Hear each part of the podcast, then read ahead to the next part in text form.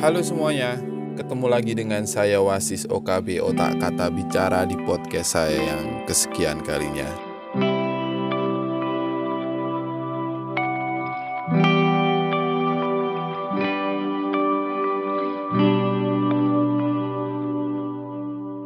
Hari ini adalah minggu ke berapa ini ya? Minggu ketiga kalau nggak salah ya. Minggu minggu ketiga di bulan Juli. Dan sebentar lagi Juli akan selesai. Pasti teman-teman sudah melalui bulan ini dengan penuh gairah, gairah apa pun lah. Mau gairah hidup, mau gairah seksual, gairah apa pun lah. Yang penting teman-teman membuat bulan Juli ini bulan yang penuh makna. Entah itu makna baik, makna jelek, saya percaya teman-teman pasti tahu konsekuensinya. Hari ini saya mau ngomong namanya mood. Kalau bicara soal mood, itu sama saja dengan bicara tentang suasana hati. Mood itu adalah keadaan emosional yang bersifat sementara. Seseorang yang memiliki mood yang selalu berubah-ubah dalam waktu singkat itu bisa disebut namanya moody. Ini fakta lain tentang mood. Jadi untuk menjaga mood agar tetap baik itu banyak teorinya kalau teman-teman mau cari tahu. Di Google cukup banyak bagaimana menjaga mood yang baik. Mood itu memang ternyata itu menular gitu ya. Ketika kita ketemu seseorang dengan mood yang lagi jelek, kita merasakan dan bahkan kita berubah menjadi mood yang jelek, berubah menjadi bad mood. Dan katanya dengan makan coklat mood itu akan menjadi baik. Katanya sih seperti itu. Dengan minum kopi yang kandungannya kafein itu mood itu menjadi baik. Cuaca juga mempengaruhi mood, musik itu juga memperbaiki mood dan olahraga juga memperbaiki mood. Banyak sekali teori-teori yang mengatakan bahwa untuk menjaga mood itu harus melakukan ini, ini, ini, ini, ini, ini, ini, ini dan banyak sekali. Saya berpikir ya, susah juga ya untuk menjaga selalu good mood itu susah gitu. Kita harus melakukan protokoler gitu kan. Kalau saya pribadi itu adalah untuk menjaga mood dengan tidak menjaganya. Dengan tidak fokus sama mood itu. Karena menurut saya tidak penting ya. Memang kalau mood saya lagi baik, itu akan merubah segalanya. Atau pas mood saya lagi jelek, itu akan menghancurkan semuanya. Kan nggak juga. Jadi sekali lagi menurut saya adalah untuk menjaga mood itu dengan tidak menjaganya. Dengan tidak fokus sama mood itu. Karena tidak terlalu penting kita fokus sama mood itu. Jadi secara teori, orang yang memiliki mood baik atau suasana hati yang gembira dan bahagia itu akan dapat berpikir, berucap, dan mengerjakan segala sesuatu dengan perasaan senang. Dan selain itu, ia akan mampu meraih kesuksesan dalam kurun waktu yang lebih cepat daripada yang selalu bad mood. Memang kalau lagi bad mood itu kita nggak bisa mikir. Bisa. Yang menjadi pertanyaan adalah ketika mood kita baik, kita mau melakukan apa?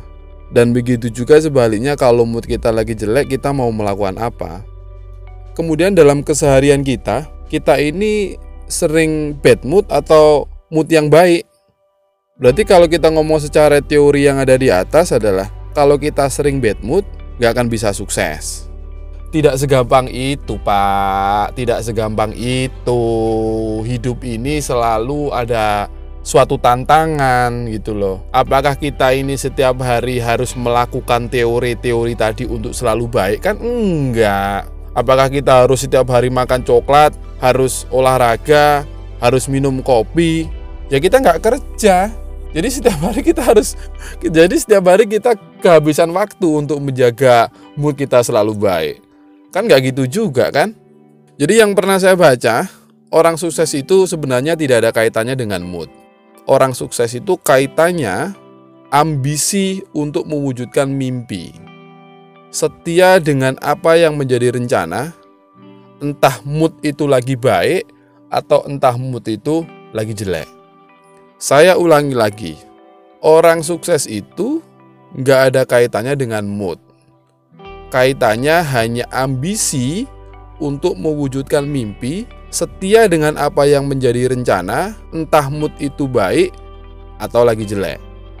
Jadi menurut saya mood baik itu perannya hanya keefektifan kita untuk mengerjakan sesuatu. Jadi serasa apa yang kita kerjakan itu gampang karena memang mood baik itu suasana hati selalu bahagia. Saya pernah merasakan bad mood yang berkepanjangan. Saking panjangnya bad mood itu saya stres sendiri gitu ya. Kemudian ketika saya stres itu berpikir, jangan salah ya, orang stres itu pasti mikir. Yang membuat dirinya stres itu dia paham gitu loh.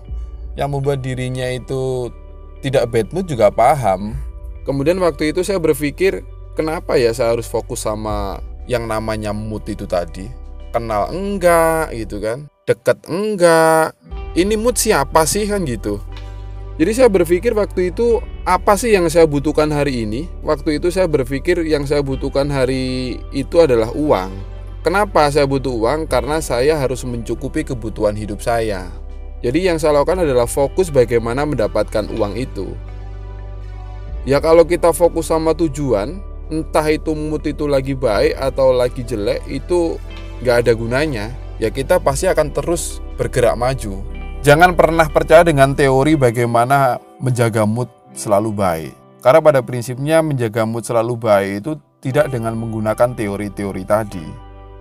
Menjaga mood yang baik itu adalah dengan kita fokus sama tujuan apa yang sudah kita rencanakan. Kalau hari ini saya keluar mencari uang ya sudah, saya harus keluar mencari uang.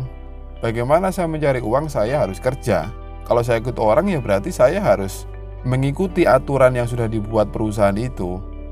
Kan tidak mungkin juga ketika mood saya jelek kemudian saya tidak masuk kerja. Ya kalau caranya gitu ya lama-lama saya nanti akan dipecat. Kalau saya mencari uangnya dengan melakukan bisnis ya masa sih dengan mood jelek tidak buka toko contohnya. Kan ya pasti tetap buka gitu loh. Jadi teori-teori tadi menurut saya adalah sifatnya itu temporary. Jadi saran saya adalah Jangan pernah fokus dengan teori bagaimana menjaga mood.